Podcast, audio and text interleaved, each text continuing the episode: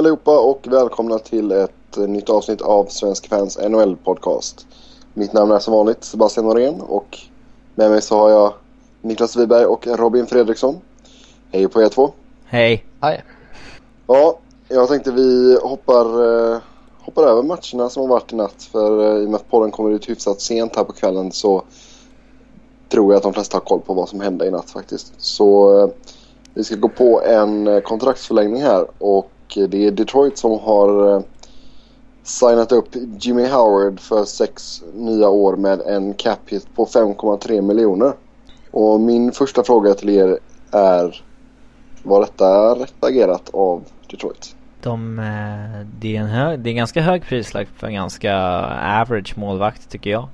Men Jimmy Howard var en pending i UFA och det är en jävla skillnad att förhandla med en sån i jämförelse med en pending RFA.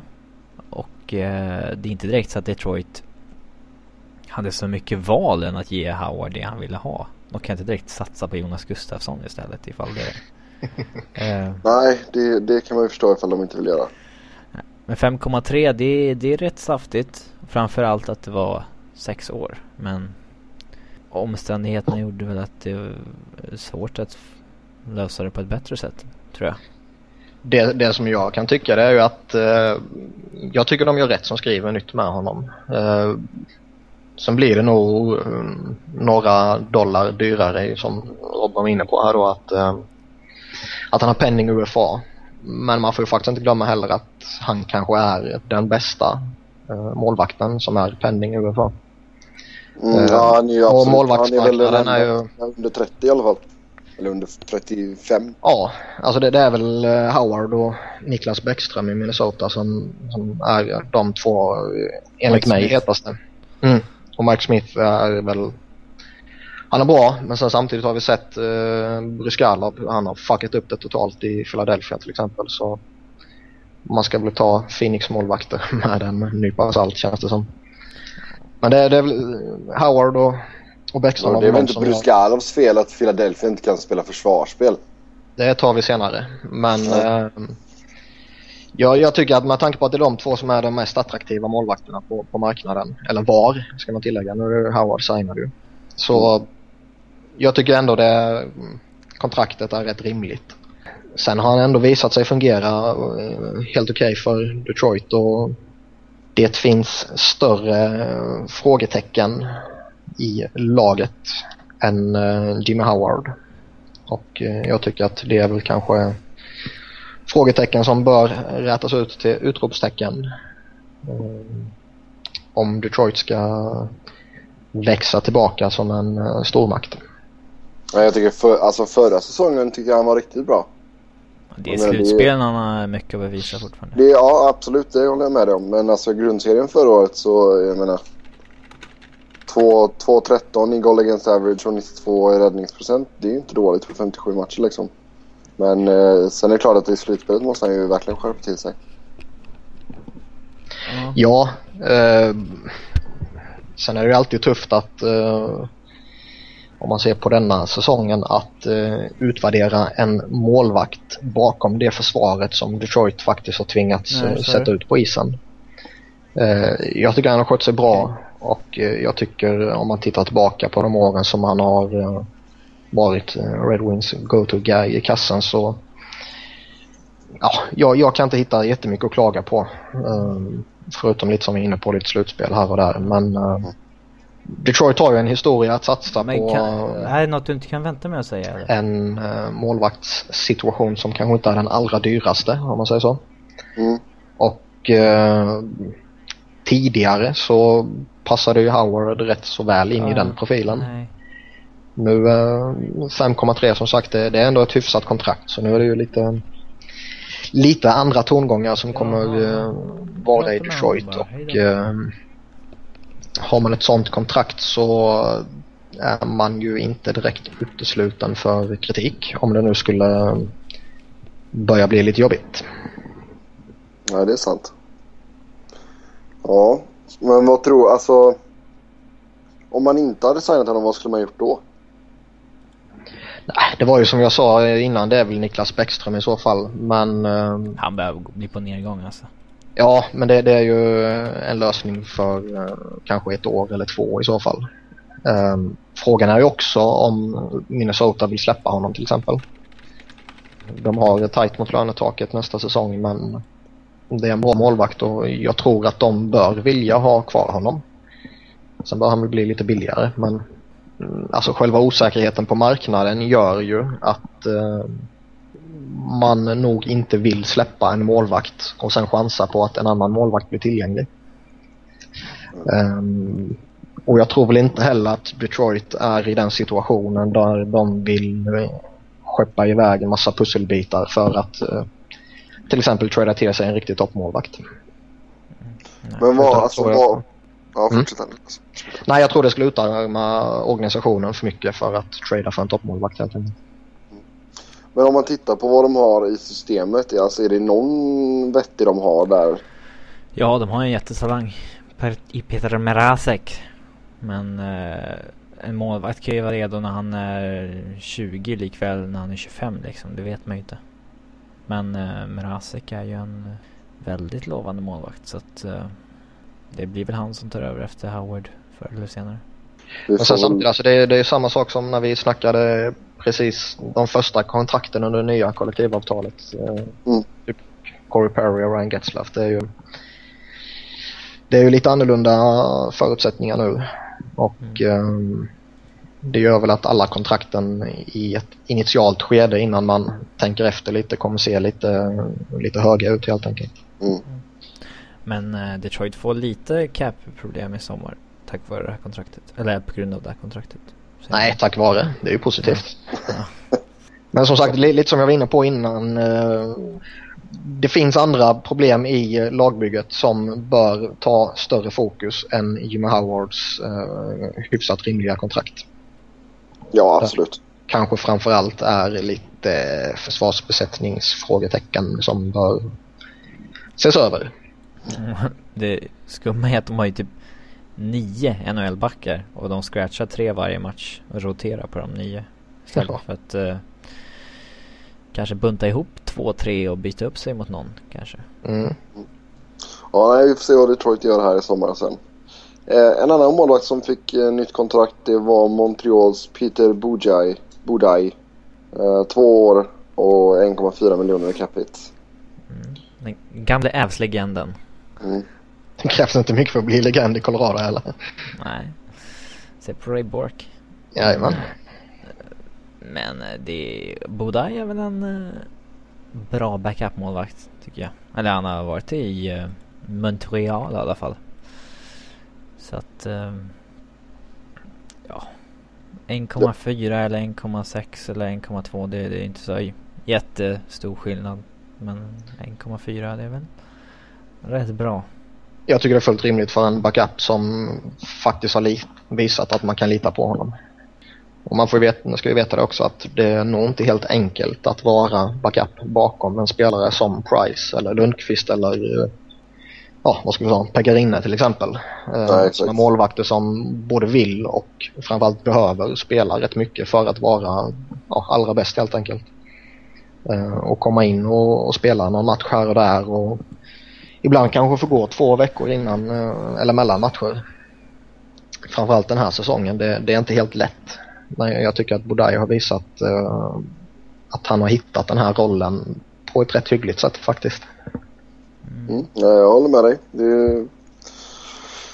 Men det, känns, för det känns ändå som att det gynnar Price också att ha en, en, en ordentlig kille. För jag menar skulle det vara så att, jag menar som du säger, han vill ju spela många matcher men skulle han känna att ja men jag behöver nog vila den här matchen. Då, då blir det liksom inte panik i laget. Nej, men du bara titta på Philadelphia denna säsongen till exempel. Innan de tradade till sig Steve Mason så hade de ju en, eller två rättare sagt, backuper som eh, ja, man vägrade spela i princip för att de var så jävla dåliga. Mm. Och man fick spela Bruskalov varenda match. Och det påverkar givetvis negativt. Ja, så, så, att, så att ha en kompetent backup som både coachen och eh, framförallt spelarna litar på. Det är otroligt viktigt. Yes. Ja, då går vi över till nästa kontrakt. Det är svenske Carl Söderberg som har skrivit på för tre år med en miljon i capita för Boston Bruins. Mm. Och det har ju varit en liten soppa detta i, i svensk media och sådär. Eh, det har inte kommit över så jättemycket om det här borta faktiskt. Men man läser ju... Va? Läs, nej. Det har ju varit extremt mycket hype för att vara en spelare som är Skitdålig. ja men alltså... Nej men alltså, jo det är klart, alltså det har snackat om spelare men alltså själva det här med förbundet grejen, det var det jag syftade på. Fast det har väl i och med, tror jag, att göra att, uh, ja, det här uh, kallade storhetsvansinne som alltid finns um, hos amerikaner och kanadensare när det gäller, ja, rent allmänt amerikaner och framförallt hockey när det gäller kanadensare. Så de, de, de såg väl inte det som ett problem utan de, de såg väl mer som att ja, ja, det är ett obetydligt hinder på vägen till att han kommer att klar för Boston. Mycket möjligt. Jag, jag, tror det i alla fall utan att slänga skit på amerikaner och kanadensare. De kan väl vara vettiga de också. Men det, det, det, är väl lite det intrycket man får på den här sidan sjön. Mm. Men eh, om vi då går tillbaka med hela grejen med Svenska Hockeyförbundet och sådär. Eh, Alltså Robin, kan du dra storyn lite snabbt? Om det nu skulle vara någon som inte vet vad som har hänt. Ja, eh, när säsongen var slut så ville Carl Söderberg sticka över till Boston. Eh, men Hockeyförbundet ville ha med honom i Hockey-VM som han sa nej. Och då sa Kalle Söderberg att han inte ville spela Hockey-VM för dem. Och eh, ja, typ det. Till slut så gick Linköping in och rev sitt kontrakt med Carl Söderberg helt enkelt så att de inte behövde Hockeyförbundets eh, godkännande för att han ska sticka över till Boston. Så att eh, han blev en free agent och kunde signa med Boston direkt istället. Okay. Ja, om vi börjar då med förbundets roll i det hela. Vad, vad har vi att säga om det? Alltså jag kan lite förstå hur de resonerar. Uh, det fanns väl ändå ett regelverk som de eh, tolkade som att ja, men vi, vi kan göra så här. Eh, så, så, en liten del av mig kan, kan trots allt förstå att de, de gör på det sättet och de tänker på det sättet. Men det är ju inget snack överhuvudtaget att de kunde ha skött det betydligt smidigare. Eh, även om man anser sig ha helt rätt i, enligt regelverket och allt det där så känns det som att förbundet har en extremt bristfällig kommunikation med landslagsaktuella spelare. Eh, det märker man ju inför varenda sån här landskampsturnering som går under säsongen där man tar ut en trupp och sen får man göra sju ändringar i den. Eh, för att eh, spelare inte är ja, tillräckligt krya för att ställa upp eller man inte vill eller ja, whatever liksom. Ehm, Um, så där, där känns det väl som att de på ett annat sätt kunde ha löst det här internt med Kalle Söderberg då. Istället för att um, ja, hela den soppan som vi var inne på kom ut rätt uh, direkt faktiskt. Mm.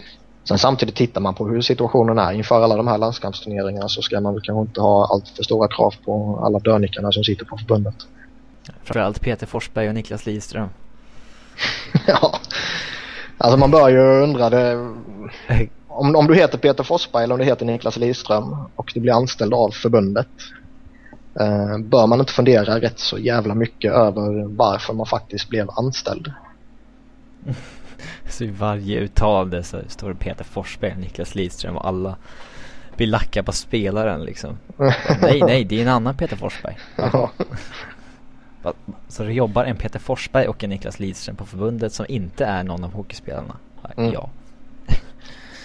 Eh, men det, det, känns alltså kort kan man väl säga att eh, för ett förbund i väldigt, väldigt stort behov av bra PR eh, efter förra VM-debaklet rent publikmässigt och inför lite taskiga förutsättningar inför detta VM om jag har förstått saken rätt så var väl det här inte direkt något positivt med tanke på att de har fått väldigt mycket skit. Men ja, och vad säger vi om Linköping då? Var det rätt av dem att riva kontraktet så han kunde sticka över? Alltså de tar väl den här... Alltså de tar väl den här tillfället i akt att få en bra relation med Kalle Söderberg den dagen han ska hem till Sverige igen. Det... Och... Eh... Ja, alltså känner man Kalle Söderberg rätt så kan han ju lika gärna få nog av NHL efter den här säsongen och välja att spela i elitserien istället. Mm. Och då ligger ju Linköping säkert eh, bra till med tanke på att de har, eh, vad det framstår som i alla fall, varit väldigt eh, solidariska mot honom. Ja, vad, nu ska han alltså över till Boston. Vad, vad kan han bidra med i Bostons lagbygge? Ja, det, spontant så känns det väl lite tveksamt vad han fan han kan bidra med faktiskt. Ja, eh, det har ju aldrig varit så här mycket hype kring en rätt obetydlig alltså spel. Jag menar jo Joakim Lindström gjorde lika mycket poäng i elitserien och var över i ett av NHLs sämsta lag i Colorado och eh, ja, fick 16 matcher sen skickades han ner och då åkte han hem. Det är ju, nu är visserligen Kalle Söderberg en lite större och starkare spelare och sådär men det finns inte mycket som skiljer dem på det sättet. Det är ju ändå två ganska lik. Alltså de är ändå på samma nivå någonstans. Eh, men eh, jag tror väl att Kalle har lite bättre förutsättningar av att stanna i NHL men samtidigt så Kalle har ju Alltså han skulle ju lika gärna kunna sticka hem i sommar igen. För att det inte fungerar. Så bra är han ju inte. Vi har aldrig sett så här mycket hype kring en spelare som jag menar inte har, inte har bevisat så mycket än. Ja, Nej. han gjorde en så 60 pinnar. Ja, exakt så mycket, exakt lika mycket som Joakim Lindström gjorde innan han stack över till Colorado. Och det är det man ska säga om Jocke Lindström. Det är ju trots allt att han är en spelartyp, anser jag, som kan spela i lite olika roller i NHL. Mm, och han hade han fyra säsonger en... bakom sig i Nordamerika med ja, spel på den rinken och ja. Han kan vara en scoring line och han kan vara i en checking line och han kan vara en fjärde line liksom. Det, det är inga problem för en sån spelare. Däremot Kalle Söderberg är ju en spelartyp som ska ha en offensiv roll. Gärna i topp 6. Och oavsett uh, vad som händer med Patrice Bergerons säsong här så ser jag ju definitivt inte Kalle Söderberg som en topp 6-center i Boston. Och skulle han nu testas där så är det ju ett, ett extremt stort underbetyg. För Bruins del kan jag tycka. Skulle, nu kanske jag blandar ihop honom och uh, Lill-Foppe här men var det inte... Skulle de inte sätta Söderberg som winger? Jo, det... Jag vet alltså... Lill-Foppa jag, är... jag läste någonting om det. Lill-Foppa är ju winger. Men uh, han, han står uppskriven som center överallt. Han har okay. center ja. sedan han var typ 12. Jag vet inte varför men. Uh, Kalle Söderberg ska ju verkligen vara center tydligen. Och uh, jag tror inte han kommer få den rollen i Boston direkt. Det kommer vara mycket nytt för honom alltså. Både ja, roll. och som sagt jag ser honom inte som topp 6 och slänga in honom som center i deras tredje eller fjärde kedja där känns han bara extremt malplacerad. Uh, med tanke på att de bygger väldigt mycket av sin framgång på ett imponerande djup. Uh, där de kan rulla fyra kedjor och där alla fyra kedjorna har tydliga roller och rollspelare som passar in perfekt i, ja, i den rollen helt enkelt. Mm. Uh, så, så jag ser väl inte riktigt vad han skulle fylla för en funktion i deras bottom six heller. Det skulle väl vara om de, alltså egentligen typ alla friska så att de får ner någon av deras vettigare forwards i tredje också. Jag menar för Sagan, Jager, Lucic, Horton och Marchand kan ju inte alla spela i, alltså på kanten i topp 6. Så att, eh, Nej det är klart. Någon, eh, någon petas ju ner då.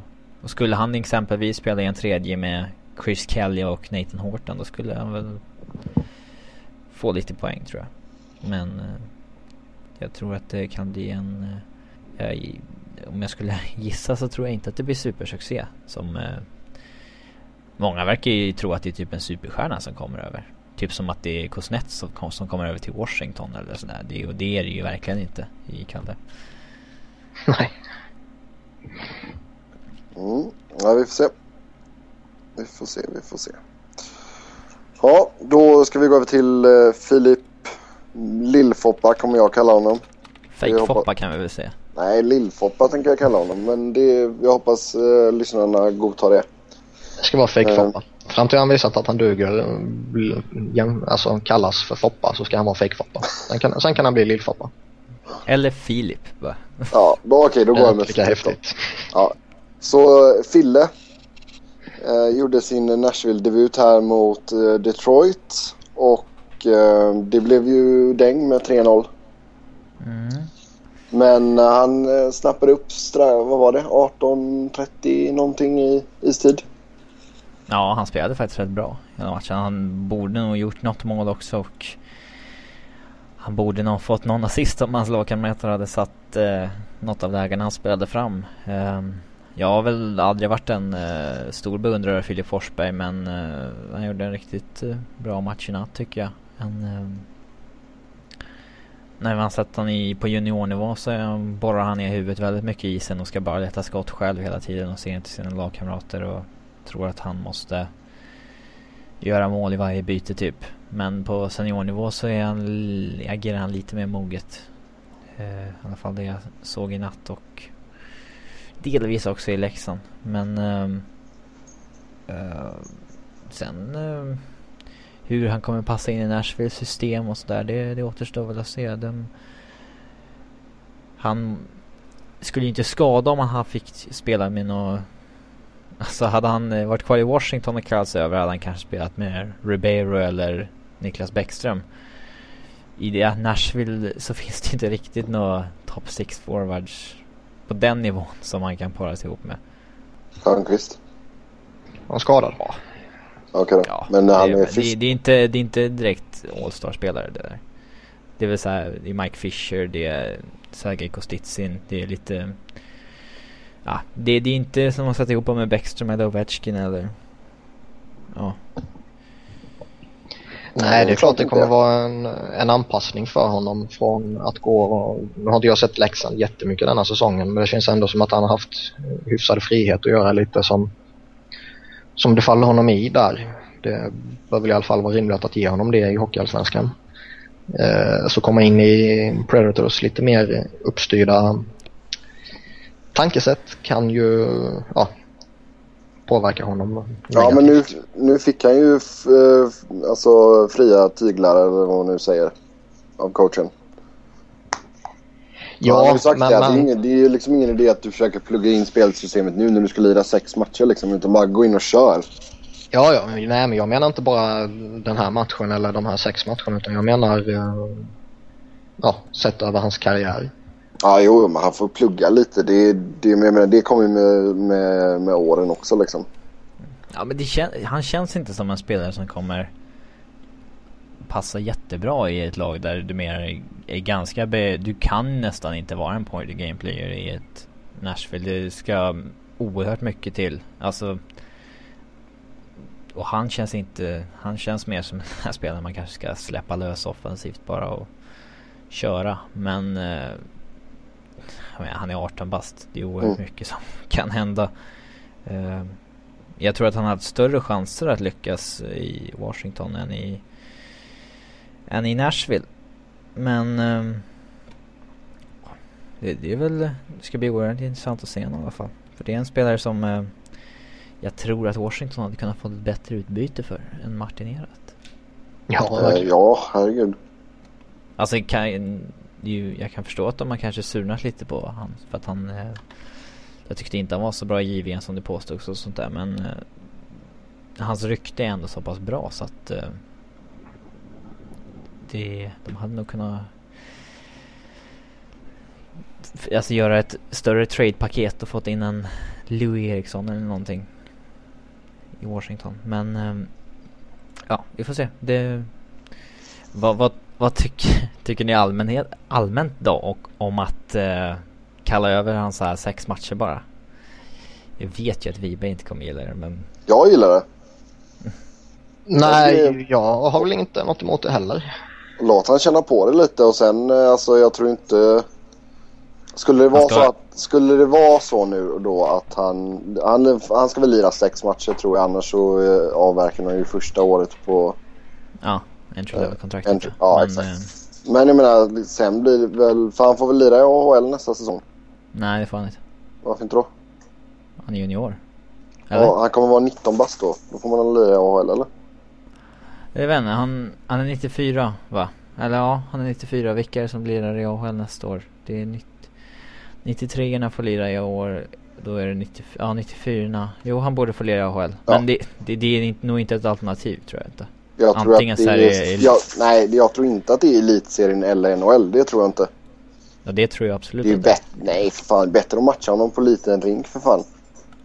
Ja, men jag tror det. Alltså, ja, jag tror antingen han spelar i elitserien eller i NHL. Det tror jag också. Ja. Sen eh, ser jag väl jag lite som Sebbe inne på det, jag ser väldigt stora fördelar med att eh, få in ja, framförallt spelartypen Filip Forsberg i AHL. Och framförallt få honom i Nordamerika där man på ett annat sätt kan skola in honom i eh, Predators eh, ja, system helt enkelt. Ja. Jag vet att uh, Patrik Hörnqvist sa det också att han eh, Det är bäst att åka över så snabbt som möjligt och lära sig spelet där borta. Mm. Ehm, men det Ja, jag, jag tror att det är Leksand och Elitserien nästa år som gäller för honom. Alltså grej, grejen med honom är att ska han få sin bästa utveckling så bör ju han ha en väldigt eh, framträdande roll. Ja men det, jag tror att Leksand har sagt, men det är mycket som kanske ändras. Jo, men det- det- matcher, men det, Det, tror jag han kommer få i Leksand. Ehm, om han nu spelar där. Um, spelar han i AHL så ja, då bör han väl få det också men i AHL kan ju precis vad som helst hända. Jag är inte helt övertygad om att han kommer få en topproll och en väldigt offensiv roll så att säga i, eh, om han spelar i NHL. ja, Och det- sätta det- den spelartypen i en, ja du vet en tredje kedja med um, checking-uppgifter. Det, Men Känns det inte som att utveckla honom? eh, har inte Nashville typ tre kedjor som agerar ganska likadant? Alltså det, jo, lite så är det. De, de är ju när de har alla friska så att säga. Nu har de ju massvis med skador och, Ja, Men, jo nej det är klart de, de agerar på det sättet men alltså säg att han får spela en 12, 13, 14 minuter per match bara. Eh, även om rollen i, i tredje kedjan är hyggligt eh, jämförbar med eh, rollen i första kedjan så spontant bör han ju gynnas mer av att spela 20 minuter om han nu får spela så mycket i Leksand än att få en lite mindre roll i NHL. Eftersom han är den spelartypen som han är där han behöver flänga omkring och göra lite som han känner för typ. Ja men då kanske det kan vara... Ja, det, det vet jag inte om jag kan hålla med om. Det kanske är bättre att ge han 11-12 minuter i NHL då och bara ge han fria tyglar och bara säga in och kör med dig för fan. Fast det kommer man aldrig få i Nashville. Han kommer få det denna säsongen men det är ju bara för att Nashville har rasat. Ja men tänk ifall det slår väl ut. Då kanske de fortsätter med det. Ja men det kommer de aldrig göra i Nashville. Det är jag helt övertygad om. Alltså det är bara. Rad, Radulov, eh, de hade ju kunnat Det är bara ja, exakt. Låta Radulov göra som eh, Kovalchuk i Atlanta och sådär men det Det gjorde de inte och de, där hade de ju potential att få en eh, fixstjärna men det Det verkar inte som det är deras stil. Nej och det gör man inte med en redan färdig spelare. Och det är bara att gå tillbaka och titta vad som har ja, skett tidigare år också där de har haft hyggliga spelare tillgängliga. Eh, antingen från säsongstart eller när de tradar till sig vissa spelare Så de släpper inte fria tyglar till, till ens stjärnor och gör de inte det då så har jag väldigt svårt att säga att de kommer släppa fram en liten eh, uh, Junes. Att han får göra som han vill. Ja, nej, vi får se. Jag tror som sagt att det blir Milwaukee Admirals i AHL där han kommer... Ja, jag vet fan vem han kommer kampera ihop med. Men jag, jag tror att det, de har honom nog hellre i AHL än att låna ut honom till elitserien. Ja, jag ser också stora fördelar med att ta honom i AHL. Eh, men som sagt, jag, jag tror att det är NHL eller elitserien. Mm, nej, vi får se. Vi önskar honom lycka till. Och eh, nu ska vi eh, grotta ner oss i eh, Philadelphia Flyers. Eh, ja, vad ska man säga? Katastrofsäsong. Är det för mycket? Eller Nej, det är ett understatement. understatement till och med? Oj, horribla säsong. Ja, nu börjar vi närma oss. Ja, Eh, ja alltså Niklas, du kan, ju- i och med att du är Philadelphia-supporter så får ju du faktiskt ta och eh, du kan gå på en liten rant här om du vill. Ja, ehm, det är ju en enorm besvikelse givetvis den här säsongen. Och ehm, Även om jag tror att uh, i princip Men- allihopa som har lite koll på NHL hade förväntat sig att man inte skulle vara ett topplag. Uh, Men hur kände du inför säsongen? Och hur Ja. såg du på lagbygget då? nej, det är Vad klart det att det, det fanns sa- ju lite ja, punkter som saknades. Och eh, jag hade väl sett uh, Flyers som ett lag som, ja, kommer man sexa så är det en bra säsong. Men att man hade förväntats eh, ligga på rätt sida slutspelsstrecket efter 48 matcher, det, det hade jag räknat med. Eh, Men som sagt inte att man hade konkurrerat om någon topplacering i divisionen eller i Eastern Conference ens. Men det som du var orolig för inför säsongen är just det som har gått fel också. Ja, alltså det finns ju inte bara en sak att peka på. Eh, utan det är så otroligt många faktorer som har uh, fuckat upp säsongen. Eh, många lyfter fram skadesituationen och det är klart att skador har plågat Flyers. Men jag tycker också det är en feg bortförklaring. Eh, bra lag och välcoachade lag överkommer skador. Vi ser det säsong efter säsong efter säsong. Och I år är det bara att titta på Ottawa till exempel. Så ja, ett skadehelvete, visst det påverkar givetvis. Att säga något annat är ju lögn. Men det är fegt att skylla på det. Ja, alltså det har ju gått 41 matcher nu.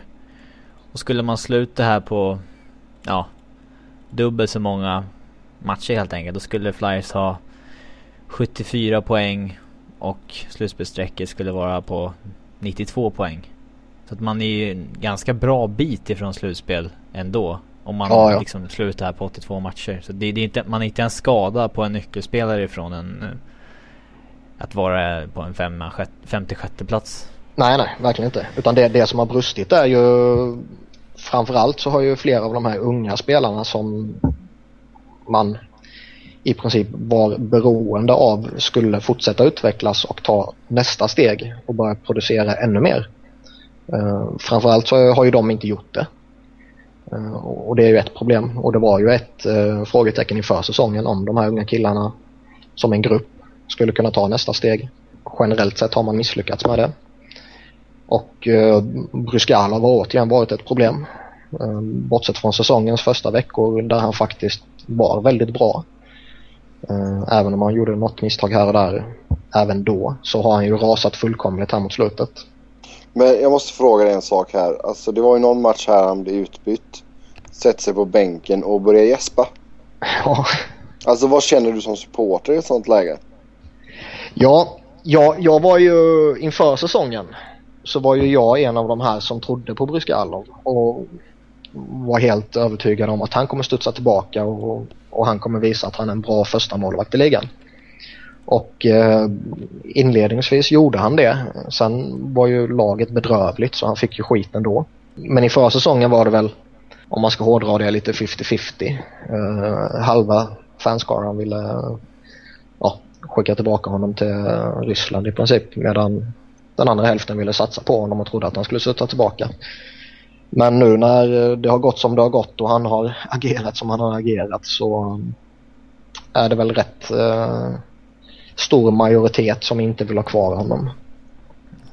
Men han ser ju verkligen ledsen, han ser ju inte ut att trivas där för fem öre längre heller.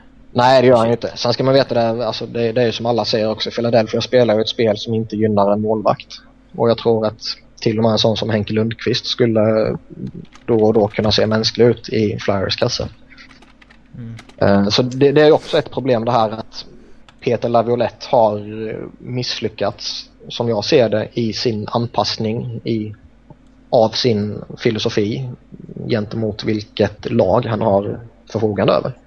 Jag gillar normalt sett hans offensiva tänk och att man vill man vill ha en hård forechecking och man vill använda fart och komma med fart hela tiden nonstop. Uh, Man vill ha offensiva backar som pinchar in men tittar man på lagbygget så krävs det väldigt stora justeringar för att uh, man ska kunna köra vidare med hans tänk. Och det är Men frågan... tycker du att det är, tycker du att det är Laviolettes fel för att han inte anpassar spelsystemet efter den eh, trupp han har? Eller tycker du att det är Holmgren, alltså GMs fel för att han har misslyckats med att få in puck moving defensemen? eh, För att ersätta Matt Carl och misslyckats med att få in en, en eller två top 6 wingers? Ja, det, det som du säger nu, det, det var ju ett av behoven inför säsongen. Och där satsade man ju all in på Ryan Suder, Zach Parise och eh, inte minst Shea Weber. Och jag tycker väl att det var... Shane Doan var med rätt. Shane Doan var man efter också, det får vi inte glömma. Um, och jag tycker väl det var rätt. Framförallt de tre första. Uh, Shane Doan lite mer tveksamt men om vi lägger han åt sidan så länge, om vi lägger han åt sidan så länge och koncentrerar oss på, på de tre förstnämnda så tycker jag det var helt rätt att man gick efter dem då. För det är den typen av spelare som eh, eh laget behöver helt enkelt. Eh, Ryan Suder valde att spela någon annanstans. Shea Weber ville komma till Flyers men eh, det enda sättet man kunde få honom på utan att offra hela jädra laget i princip det var ju att lägga ett offersheet på honom och även om offersheetet som de la var väldigt långt och väldigt välbetalt så var det väl eh, det som krävdes för att eh, man skulle ge Nashville problem. Sen lyckades de matcha det och ja, ibland satsar man stort och ibland misslyckas man. Eh, jag ser inga problem med det. Utan jag tycker att Holmgren förtjänar en ny chans att åtgärda det som han försökte åtgärda men misslyckades med inför den här säsongen. Alltså kan, vi kan ju lugnt expectera eller ha förväntningar då att Philadelphia kommer göra en hel del under sommaren här. Ja, man kommer ju inte acceptera att man missar slutspel på, på det här sättet. Det är en sak om man missar slutspel med en poäng och har haft massa skador och bla bla bla. Men eh, på det här sättet har jag väldigt svårt att se att eh, man bara kommer sitta eh, lugnt och fint under sommaren. Mm. Sen kommer man inte skaka om hela laget och skeppa bort en 5, 6, 7 spelare. Men hur mycket kan man göra då? Man ligger ju, man slickar i lönetaket som det är just nu och det ska ju ner till sommaren till 64 miljoner. Ja, men... ja eh, Amnesty Buyouts är ju rätt eh, heta diskussionsämnen i Philadelphia. Och... Eh, Briere Biscalo blir väl buyout ja, på. det känns väl som det va? Cap dump på Mesaros kanske. Ja, eh, Bryskalov har vi har ju pratat lite målvaktssituation tidigare så jag skulle inte gå in jättedjupt på, på just det men eh, han har ju inte levt upp till kontraktet. Eh, sen var det ju, tycker jag inte man kan lasta Paul Holmgren för det kontraktet som väldigt många väljer att göra utan där agerade han ju helt och hållet under order från Ed Snyder så det, det är väl Ed Snyder som man ska gnälla på i så fall. Um, men han har ju visat att han är inte det största problemet men han är inte heller lösningen. Och tittar man på hur Steve Mason har presterat hittills så har han presterat bättre än vad Bryskalov har gjort. Så det, det pratas rätt mycket om Bryskalov och det sipprar ut rätt mycket från organisationen givetvis ju. Och det verkar som att Flyers är väldigt kluvna i den frågan där man å ena sidan vill köpa ut honom nu till sommaren och å andra sidan så ja, vill man fortsätta ge honom chansen. Ehm, jag tror framförallt är man väl intresserad av att ge honom chansen av den enkla anledningen att det skulle signalera tokmisslyckande att köpa ut ett sånt kontrakt. Ehm, Men man, um, man, man ligger redan över lönetaget som det är till nästa år och man har utgående kontrakt på typ 10 spelare kanske. Det i och med att alltså Wayne Simmons nya kontrakt kickar in nästa år. Hartnells nya kontrakt kickar in där det är mera lön och det är mera lön. Och, alltså det är, hur mycket svängrum har man egentligen? Även om man köper ut Brier Briscallo? Ja men alltså sån överjävlig situation är det inte. Uh, så man kommer klara sig nästa säsong uh, utan problem. Problemet som finns är ju att man behöver förbättra laget. Och det finns det ju inte något utrymme för. Men om, vad om skulle du göra då i sommar? Alltså du göra? Danny Breer måste ju bort ju. Uh, det enda anledningen som jag kan se att man väljer att inte köpa ut honom det är ju om han ja, gör tio mål på de här sista matcherna nu. Uh, och man känner att, ja men fan, snubben kanske har studsat tillbaka ändå. Uh, inte för att jag tror det kommer ske, men det, det är väl enda anledningen som jag kan se att han får vara kvar. Men som sagt, han måste bort. Han är inte värd 10% av Flyers cap eh, nästa år. Så enkelt är det. Han är värdelös nu. Sen är det väl, det är väl fortfarande en spelare som är tradebar. Uh, och det går ju lite rykten om att Flyers var väldigt angelägna om att trada honom vid trade deadline här nu. Men att han vägrade waiva sin no trade-klausul, eller no movement-klausul till och med. Och att han, han vill inte lämna Philadelphia helt enkelt. Och det har ju med hans familjesituation och hela den biten att göra. Annars är det nog ett attraktivt kontrakt för lag som är eh, kring lönegolvet. Han har en capita på 6,5 miljoner och nästa säsong ska han ha en lön på 3 miljoner bara och sista säsongen på kontraktet har han 2 miljoner bara. Så det är ett tradebart kontrakt till, till ja, lag som behöver en stor capita men som inte är sugna på att betala mycket pengar. Mm. Men det är ju samma, ja, men det är också ett lag som Danny Breer troligtvis inte kommer acceptera en trade till. Men hur långt måste han, eh, han har ju den här, alltså att han måste vara kvar i Philly i stort sett. Men hur långt kan han flytta eller hur långt kan han? Jag vet inte. Det, det är inte uh, så långt till Long Island till exempel som behöver addera lön. Nej, alltså jag vet inte det och, och det är i princip ingen som vet heller. Utan uh, det är ju någonting med hans exfru och något vårdnadsavtal och grejer. Så jag, jag vet inte exakt hur det ligger till men han kunde ju åka några månader till Tyskland och spela hockey nu. Så det är väl inte eh, någon jätteomöjlighet att man kanske kan styra upp någonting. Sen är Bara ju... man eh, besöker Philly, typ så här inom, alltså inom en viss period så här så borde man kunna komma runt det där va? Ja, jag har ingen aning. Um, jag vet bara att det är problematiskt och med tanke på att han sitter på en no movement klausul så ja, då styr han ju sitt öga. Eller det helt och hållet om man pratar trade. Men det är ju skitsamma när man ska köpa ut honom så han, han ska ju bara försvinna all världens väg. Han, uh, som sagt, han, han, är helt värdelös numera. Och vad ska in i laget då i sommar? Det är, ju, så, det är ju, nej men det är ju samma saker som inför den här säsongen. Uh, det behövs en toppback. Så enkelt är det. Och eh, jag tror inte man kommer få en första back. De eh, bör väl andra lag inte vara så intresserade av att släppa helt enkelt. Och eh, skulle man på något sätt lyckas få fram en deal för en toppback så tror jag det kommer utarma organisationen mer än vad det kanske kommer gynna organisationen. Däremot eh, en, en till topp 4-back är ju finns det ett behov av tycker jag. Um, för det känns som att Flyers får nöja sig med att ha en hel drös med ja, no, en, en jämnare backbesättning. Om man säger så. Ja, ja. Uh, för men, då, man kan lita på en Chris Pronger typ är nog över. Mm. Men man måste väl nog addera minst en top 6 winger? Va? Ja, eller en center. Um, ja, alltså köper man ut Breer så måste man väl addera det också antar jag. Men... Man kan köra med Braden Chen som center och han har gjort det helt okej okay denna säsongen. Ja. Um, men där måste man bestämma sig om man ser Chen eh, långsiktigt som en center eller som en left-winger. Eller right wing om det nu är det man ser som.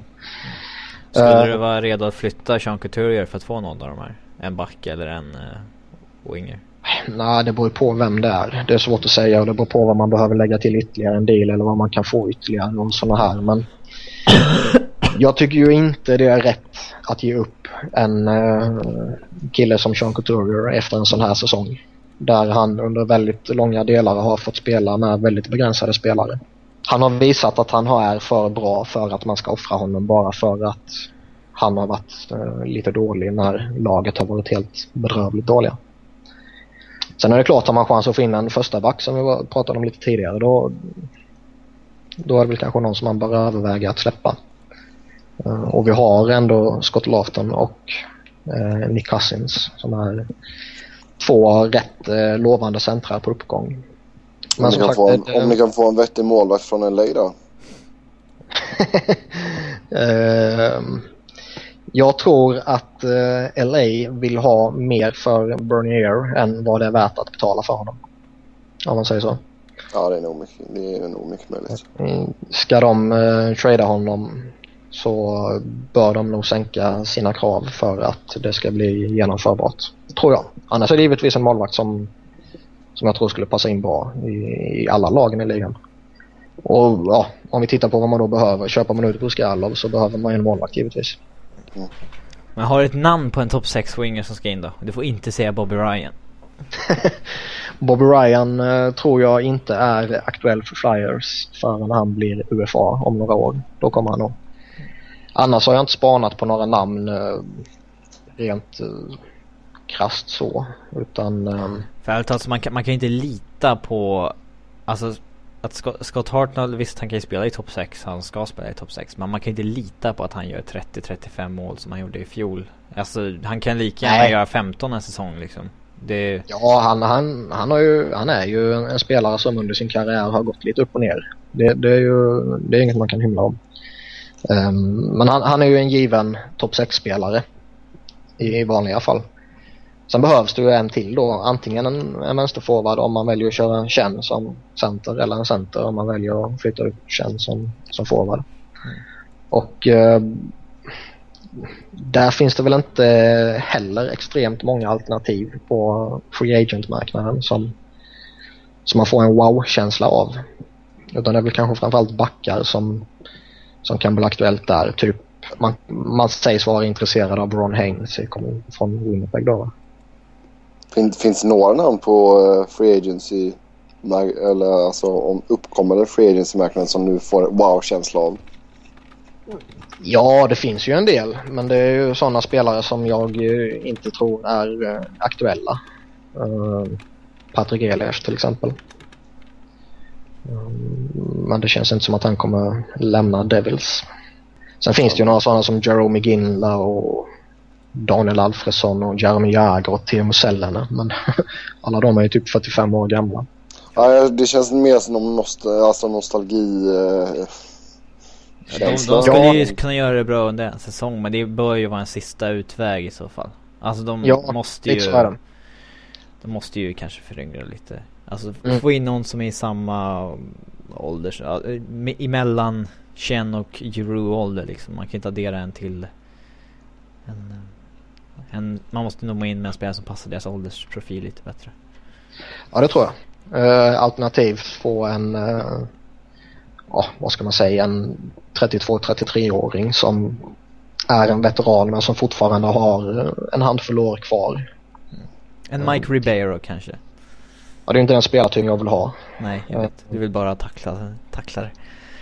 Nej, alltså, jag har inget emot en, en sån spelartyp. Jag menar, Claude Giroux är ju liknande, alltså den lille tekniken och sådär va. Problemet är att jag inte vill ha två toppcentrar som är så likadana. Ja men Briere är väl inte oerhört annorlunda? Nej men det är ju det, de, de, de är ju likadana där. Ehm, men där hade man inga alternativ. Där tog man in Briere innan man hade Giroux till exempel och sen slog Giroux igenom. Så då... Och det är inte så att um, någon av dem bara försvinner. Nej. Tidigare. Nu kommer ju förhoppningsvis börja försvinna då givetvis. Men har man Giro där så vill jag ha en liten annan mer eh, kraftfull spelare typ om man säger så. Så du skulle inte gå efter Derek Roy heller? Nej för fan. Du, du hade velat ha en tio år yngre Mikael Hansos? det är fortfarande ingen topp 6 alltså, nej. Nej det är det inte. Men alltså, ja. Ingen Steven Weiss eller Valtteri Filppula heller? Nej, Eh, en, en kraftfull center. Det, det, är det som behövs i laget som kan gå in och vinna teckningar och som kan avlasta Joe där. Problemet är ju att det finns inte på marknaden. Alltså free agent-marknaden då. Man kan givetvis trada till sig någon men då får man ge upp något som smakar också. Alltså Michael Ryder är en forward som skulle vara, han bidrar ju inte så mycket särskilt men sätter han med en riktigt spelskicklig spelare så får du nog ut bra många mål där. Ja, och jag tror att ska man maximera Giroux potential så behöver man få in en, en riktig målskytt jämte honom. Och det är väl där som man, vad jag tror, har långsiktiga tankar på Bobby Ryan. Att när han blir UFA då, då kommer man signa honom och sätta honom jämte eh, Claude Giroux. För han kommer kosta för mycket att trada nu. Eh, om nu inte Anaheim får någon tokpanik eh, rent ekonomiskt och måste dumpa av sådär direkt bara. Men då, då känns det ändå som att han kommer kosta. Ja. Men det, det finns mycket som behöver åtgärdas men det finns väldigt få pusselbitar som man kan åtgärda det med. Och det är den, den optimalaste sommaren att göra det heller när lönetaket sjunker. Nej, det är ju det. Så jag, jag, jag skulle väl inte bli förvånad om man är rätt passiva till sommaren och en sån som Scott Lafton kommer ju sannolikt inleda säsongen i, i NHL här nu va? Om han inte är helt värdelös under training camp. Det bekräftade mer eller mindre Holmgren i, om det var igår eller i förrgår. Och då är frågan, tar man in honom? Ja, då kanske man inte kan ta in uh, någon dyr värvning utifrån för då kommer man hindra hans utveckling och då kommer ju Jean Couturier också få ligga kvar i, i, i lite lägre i hierarkin om man säger mm. Men, uh, man kommer plocka in en back, det kommer man göra. Det är jag helt övertygad om. Och det var väl Holmgren hintat om också att uh, de vill bygga upp uh, toppen i backbesättningen om man säger så. Men tror du att det blir ett till mellanår då? Alltså nu säger inte jag att man ska vara så här bedrövlig som man är idag. Jag säger att man kanske kommer nia nästa år. Nio är det absolut sista man vill komma. Ja, det är helt värdelöst. Nej men ja. jag, jag, tror, jag tror det är mer rimligt nästa år. Uh, att man blir... Uh, om, jag, om jag ger dig en åttonde plats nästa år, tar du den direkt då? Ja det är klart. Det gör väl alla? Nej. Åttonde plats och slutspel. Ja men alla skulle inte ta det. Har man inte det garanterat som en dum i huvudet ju. Ja men alla skulle inte ta det. Nej då är de dumma i huvudet. ja, då ska vi gå över till Western Conference och så ska vi prata lite om Dallas Stars faktiskt. Mm. Och vad, vad har ni att säga om Dallas säsong i stort? Robin, du kan ju uh, börja här. Mm, det började lite turbulent där när de inte fick in Jamie... Jamie McBen höll jag på att säga, men Jamie Benn. Och... Uh, um, ja, samtidigt som de hade signat ett par ärrade veteraner som skulle spela med honom. Så de... Lite... Ja. Inget bra betyg till Joe Newendike där. Eh, men... Mm. Ja, jag tyckte ändå att det var intressant. Han fick in en andra center i Derek Roy och uh, adderade två top 6 wingers i Whitney och Jagger från Freelit-marknaden. Det var liksom ändå smarta moves tycker jag. Uh, men um, Ja, det... Höjd, höjde medelåldern i laget med typ 10 år. Ja, men det, det, det såg ändå bra ut på pappret tyckte jag. Men sen har det inte gått så jäkla bra men ja, det han gjorde i somras var ändå rätt, rätt okej okay, tycker jag. Ja, på, på förhand tror jag. Ja. Så såg det väl bra ut. Men det, det som du säger alltså att man inte fick in Ben där. Ja, det är väl det som har gjort att man lika, saknar de där poängen man behöver nu. Mm. Men... Äh, ja, man ska ju inte räkna bort Dallas. De ligger på nionde plats nu. De är ett, två poäng bakom Detroit. Mm. Men de har en match mindre spelad. Ja, de är ju stekheta. Och jag tror att... Ja, de har vunnit fem raka. Och jag tror att de... Ja, jo, jag tror att de leder tiebreaken över Detroit också ifall de nu skulle sluta på samma poäng. Så, eh, så Dallas är ju verkligen inte ute ur racet. Eh, det kan man ju lugnt konstatera. Men alltså... De har ju allt i egna händer ju. Ja. Men Niklas, man, man skeppar iväg Morrow till eh, Pittsburgh. Jagger försvinner till Boston. Roy hamnar i Vancouver va? Ja. Mm. Ja. Alltså, äh, ångrar man detta nu eller var det, var det rätt att göra detta? Jag tycker det var helt rätt att göra. Uh, en sån som Morrow, ja, han, han, var slut i Dallas. Så enkelt är det. Framförallt fick man ju ett jävligt bra utbyte för honom. Alltså det där var ju oh, ett erbjudande man inte hade kunnat tacka nej till. Och nej, nej, så är det. Var, ja, uh, mm. Joe Morrow är ju en jättelovande back. Så att... Oh ja. Um, tittar man på Jäger och, och Roy framförallt så visst, de skulle kunna hjälpa dem i en slutspelspush här och i ett eventuellt slutspel. Men det är två kortsiktiga alternativ och eh, Dallas behöver bygga långsiktigt och de försöker bygga långsiktigt och eh, ur den aspekten var det rätt att skeppa iväg dem. Eh. Tror man är snåla nu och ge, gav man Morrow samma nummer som Morrow hade och så tar man bara bort set på bröstet eller? Nej, Joe Morrow håller väl till i AHL ett tag till. Så att... cast, cast effectiveness. De sparar hans tre bara, så bara här. Mm. Där, där, tror jag också innan man tradade iväg dem om, om man, att man kollade ja, intresset av att förlänga med Dallas. Ja, givetvis. Annars, annars är man ju dum. Skulle det, ja. Problemet var väl att Derek Roy ville väl ha, Derek Roy ville väl ha upp mot 6 mille liksom. Mm. Ja, det är lite saftigt för ett lag som Dallas tror jag. Eller framförallt för en spelare som Derek Roy. Ja, det är med. Så jag tycker det var rätt att, att skeppa iväg alla tre. Uh, som Robin var inne på, framförallt Morrow. Men Jagger och, och Roy ser jag ingen, ingen riktig framtid för i, i Stars heller. Och då är det bättre att kunna få någonting som man kan bygga vidare på. De är ändå rätt nära slutspel nu. Man undrar ju lite såhär vart hade de varit om de hade haft kvar Roy och Jagger i alla fall liksom. Men det är ju... Jo men de, de, De, har de inte skulle mycket väl kunna vara fem poäng från slutspel. Ja, Ja, så jag tror inte att det gått sämre. Det, det tror jag inte. Men eh, Men jag, jag, jag tror ju, alltså det här, det här är ju att man dumpar, eller dumpar är väl fel ord, men att man skeppar ut eh, hade de Ja, inte varit pending UFA så hade de ju inte gjort det. Det, Nej, var ju spelare som man var övertygad om att man skulle tappa till Free Agencyn. An-. Annars hade de ju skickat Ray Whitney också. Ja, ja. Men att göra sig av med uh, nyckelspelare kan ju göra att laget som helhet, eh, och det är ju något man ser här och där i, i alla lagidrotter, eh, att gruppen sluter sig. Och att man både medvetet och omedvetet tvingas prestera på en högre nivå än tidigare för att ersätta de här förlusterna. Men det är ju lite tur det handlar om nu va? Jag tror inte att de håller upp det här.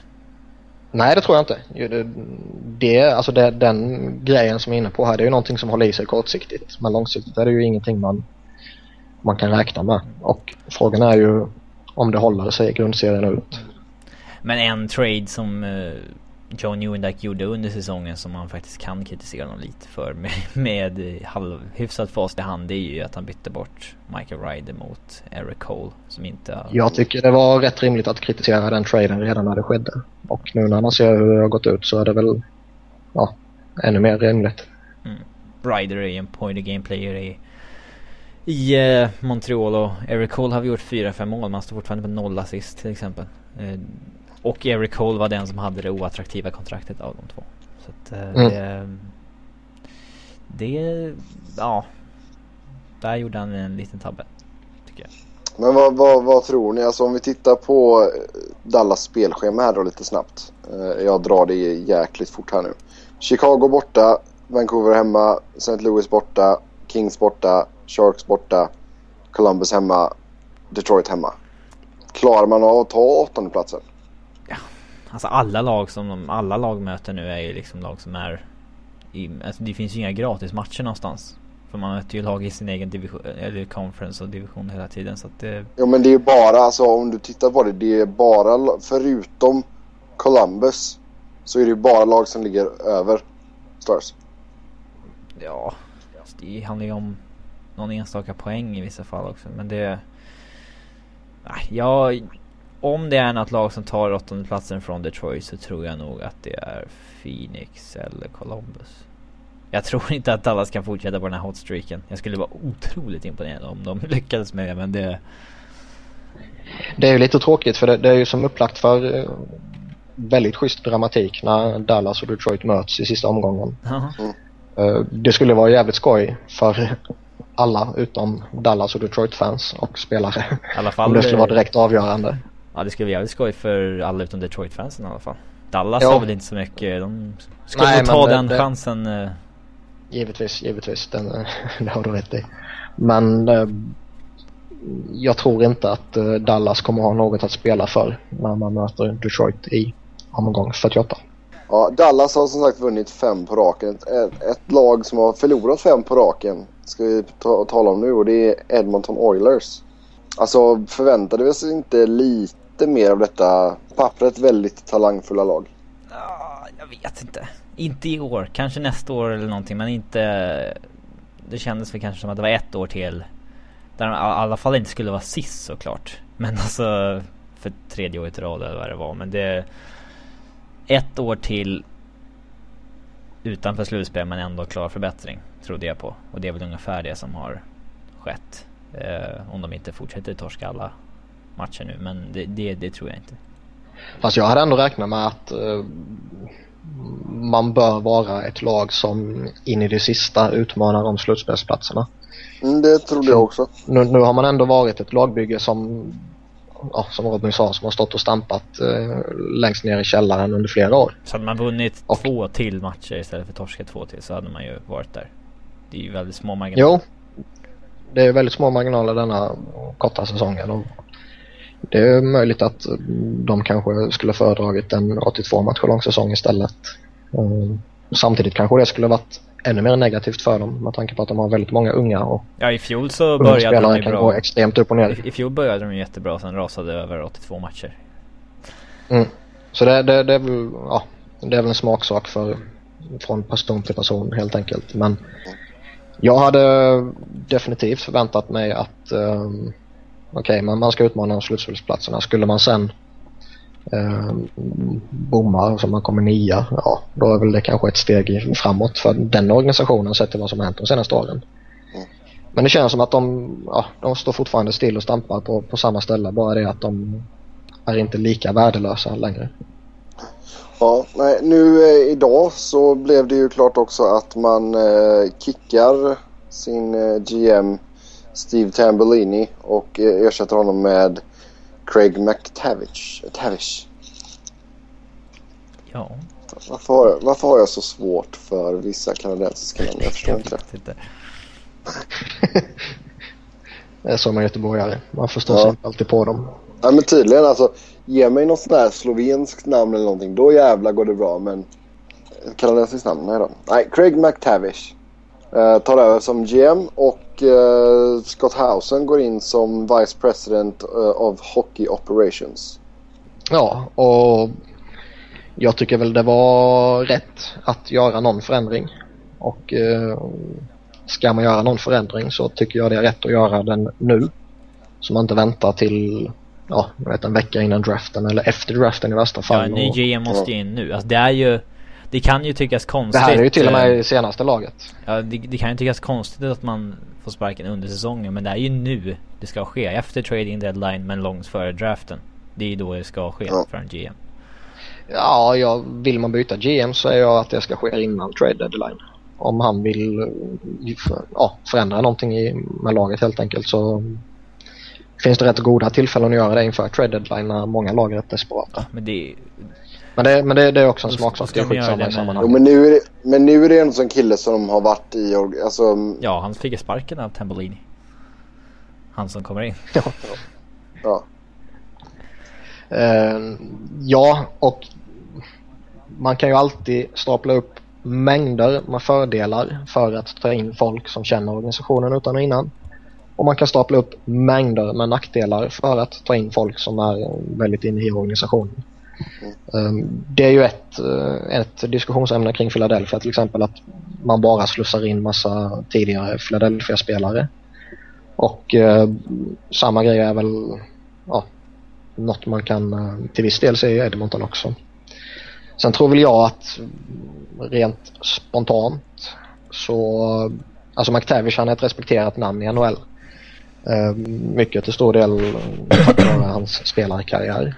Ehm, men rent spontant så här så känns det väl som att det inte spelar någon större roll vem som basar över Edmonton. Eh, Jag tycker det har under så lång tid funnits rätt uppenbara ja, brister som behöver åtgärdas men trots det så har de inte åtgärdats och som vi har sagt jättemånga gånger i den här podcasten så är det ju ett lag som är väldigt felbalanserat. Väldigt framtungt. Ja, vi kan ju... Väldigt framtungt. Alltså vad... Ja. Alltså vad, vad... Som sagt, vi har pratat om detta förut. Men vad är det som saknas om man ska bli ett topplag i West? Jag, Vinnarmentalitet, ledarskap och defensiv kompetens som jag ser det. Och det innebär både backar och målvakt, eller? Ja, e- egentligen. De, de, alltså de har ju en... jag skulle vilja ge Dubnik en chans framför en bättre backbesättning ett tag. Det, det skulle jag nog göra. Men... Eh, ja, det är jag redo att göra också för han har ändå varit helt okej denna säsongen. Uh, och, och det finns ändå lite potential i honom. Så det, det ja, jag köper fullt att man ger honom chansen. Men med tanke på att man har en sån här ung stomme på framgång så anser jag det i alla fall vara extremt viktigt att man stärker upp med väldigt eh, påtagliga veteraner om man säger så. Och jag ser ju inte alltså Horkoff, Hemsky och Belanger till exempel som några spelare som lyfter ett lag under uppbyggnad. Eh, framförallt inte eftersom det är tre forwards. Och, utan jag anser att ett lag som är i den uh, uppbyggnadsfasen som Edmonton är nu. De kan mycket väl satsa på alla sina unga killar i forwardsbesättning och sen ja, du vet, köra med någon sån som Ryan Smith som bidrar med ledarskap och mm. Sean känns, känns, känns, inte som att han är, Känns det inte som att Ryan Smith är lite ensam dock? Jo det är det Men det är det jag kommer till nu att mm. okej okay, att låta de här unga killarna leda offensiven det, det bara, kör för det. det. Det är bara positivt och sen en sån som Schultz från backplats kan fylla på och så, hur mycket han bara vill i princip. Men då måste man ju stärka upp försvarsbesättningen med de här ärrade veteranerna. Uh, nu har de ju ett lagbygge som ja, vi var inne på som är väldigt felbalanserat där uh, all kraft har lagts på offensiven. Uh, dels i alla de här draftvalen som de har som spelar nu men också i ja, uh, Alechemski till exempel. Jag gillar ändå att de har en Lennart i laget. Det, det är inte svårt att fucka upp det namnet i alla fall. Nej, det klarar du. Magnus också, det klarar du. Ja.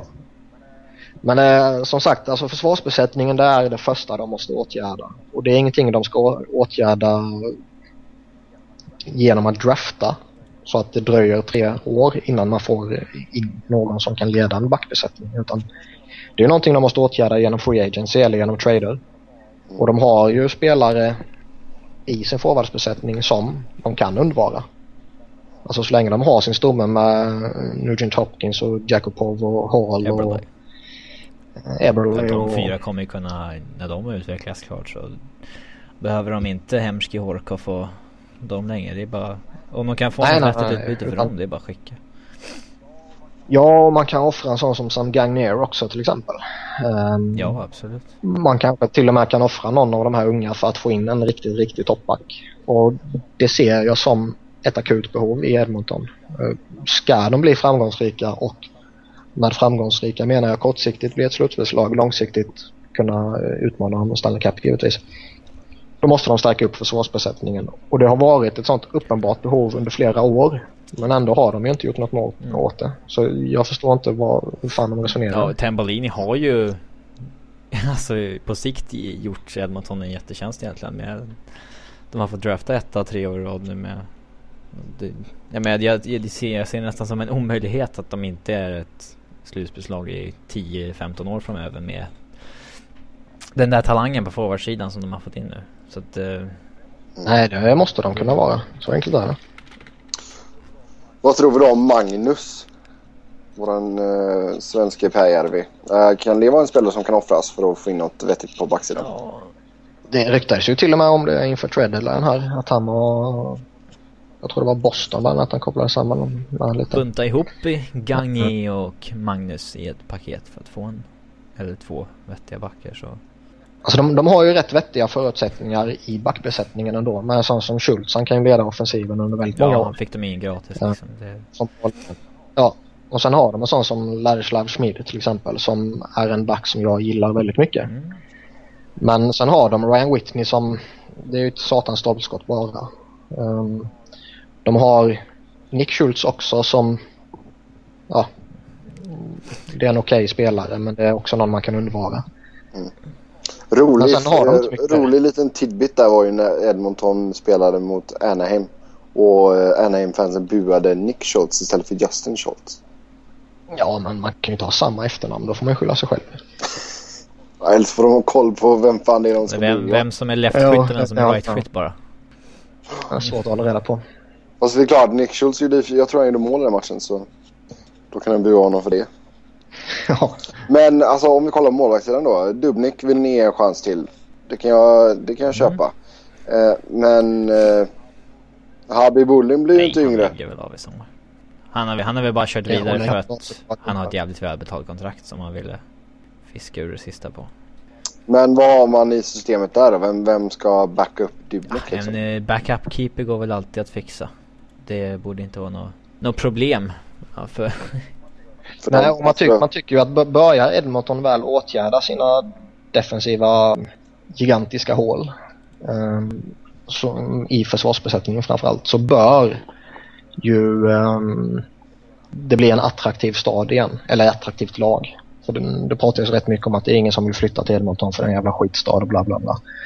Men blir laget, alltså le, lever laget upp till den potential som finns i framförallt forwardsbesättningen så tror jag att väldigt många skulle kunna tänka sig att spela i Oilers.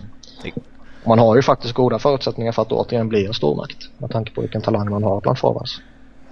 Nej, för just alltså om man tittar på alltså, depten då på målvaktspositionen. Alltså man har... Det kommer många målvakter ja, till agency i sommar. Alltså inte många första målvakter men många som kan vara backups. Ja, det är mycket möjligt. Nej, för jag tänkte, får man kolla lite snabbt här då. De har Jan Dennis som är 31 då. Han har ju spelat lite i NHL. Han men... Ingenting. Nej. Men sen är det alltså en 20-åring och tre 21-åringar liksom. Ja, men ska man låta Dubnyk få fortsatt förtroende, vilket jag tycker man som sagt ska låta honom få, så då tror jag man behöver ta in en veteran till att backa upp honom. Eh, någon som, ja, som vi, när vi pratade tidigare, någon, någon backup man kan lita på. Joey McDonald finns, Dan Ellis finns. Uh, ja, det finns mängder med sådana målvakter där. där Matthew Garon, det finns ett par veteraner. Mm. Vad tror ni om, eh, för de har ju fortfarande rättigheterna till Linus Omark. Ja, det är väl lite tråkigt. Finns det, finns det något NHL-lag som kan tänkas trada till sig de rättigheterna eller tror du att han kommer hamna i KHL eller någonting? Det är tråkigt, han har ju verkligen skillsen för att spela i NHL. Alltså han... Mm. Man gör inte 70 poäng i schweiziska ligan annars. Det, jag, han verkar dock inte ha mentaliteten för att lyckas där. Det är lite synd. Ja, men det kanske är bara att han vill vara säker på sin plats i laget om du förstår med det. Ja, men är man inte villig och... Alltså... Han... Hade han bara hållit i lite längre så hade han ju... Han spelade väl 50-50 i AHL och NHL sista året och klarade övervikt i NHL första året. Det var ju... Han bet inte ihop tillräckligt bara. Mm. Nej, jag vet inte. Alltså det, för det känns ändå som en spelare som borde vara i NHL. Ja. Men som sagt, titta på eh, Edmontons eh, offensiv och titta på de namnen som finns där. Och titta på vilken spelartyp Linus Omark är. Och det är en spelartyp som måste vara i topp 6 till exempel. Mm. Och vem av dem petar man för att få in en gnällröv som Omark till exempel? Ja, nej, nej, det är inte säkert att han skulle alltså, passa i Edmonton just nu. Men jag känner så att det borde ju finnas en del lag som skulle kunna tänka sig att ta honom. Jag, jag tror att han men sen, men sen kanske har han sina broar. Ja, jag tänkte säga att han kanske har helt fallit av radarn nu också med tanke på det som händer då. Mm. Jag, jag, jag, tror nog det, det är en stor del av problemet. Ja, jag får ta och ringa eller snacka med Meloni sen idag på matchen. Gör du det? Just the Swedish Du får bli Coyotes nya scout. Oh, Mark. Ja. Nej, vi får se. Det är inte ens säkert att han är kvar. Både, det här är en jävla side-note men både Meloni och uh, Dave Tippett sitter på utgående kontrakt också. Man undrar så. ju om en sån som Tippett, uh, som sagt när vi tar en, en jävla side-note, om han faktiskt vill lämna Phoenix för lämnar han Phoenix då kommer han ju få erbjudande från contenders från både vänster och höger. Ja, det är en riktigt bra tränare alltså.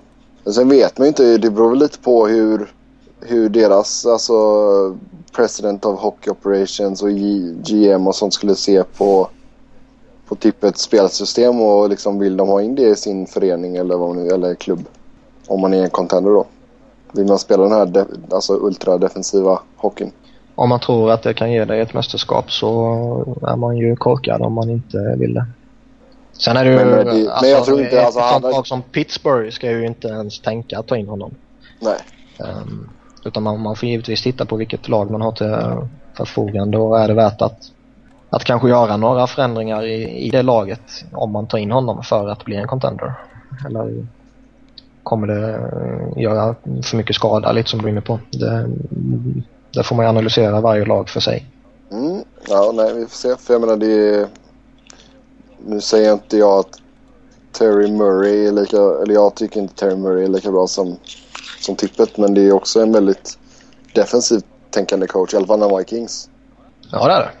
Och det är ju en som, eh, när en sån som Peter Laviolette eh, var som allra mest ifrågasatt så var det väl Terry Murray som var den som uh, vara mest aktuell som hans eventuella ersättare. Eh, med tanke på att han är i Adirondack Phantoms Flyers farmarlag. Mm. Hur går det för dem?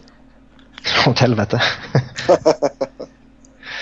uh, jag gillar det här fram och, fram och tillbaka mellan LA och Philly. Alltså. Det, är, ett väldigt fint förhållande de två klubbarna har med varandra. Ja, men det är ju inte konstigt om, med tanke på att de har goda kontakter i, i ledningen för ja. respektive lag. Ja, exakt. Ja, nej, då ska vi runda av för den här veckan. Eh, som vanligt så vill ni snacka hockey med oss så går det bra att göra det på Twitter. Mig hittar ni på @sebnoren. Niklas hittar ni på att Niklas Wiberg och Robin hittar ni på R underscore Fredriksson. Så eh, tack så mycket till er båda och så hörs vi igen nästa vecka. Ha det gott. Hej! Hej. Hej hej.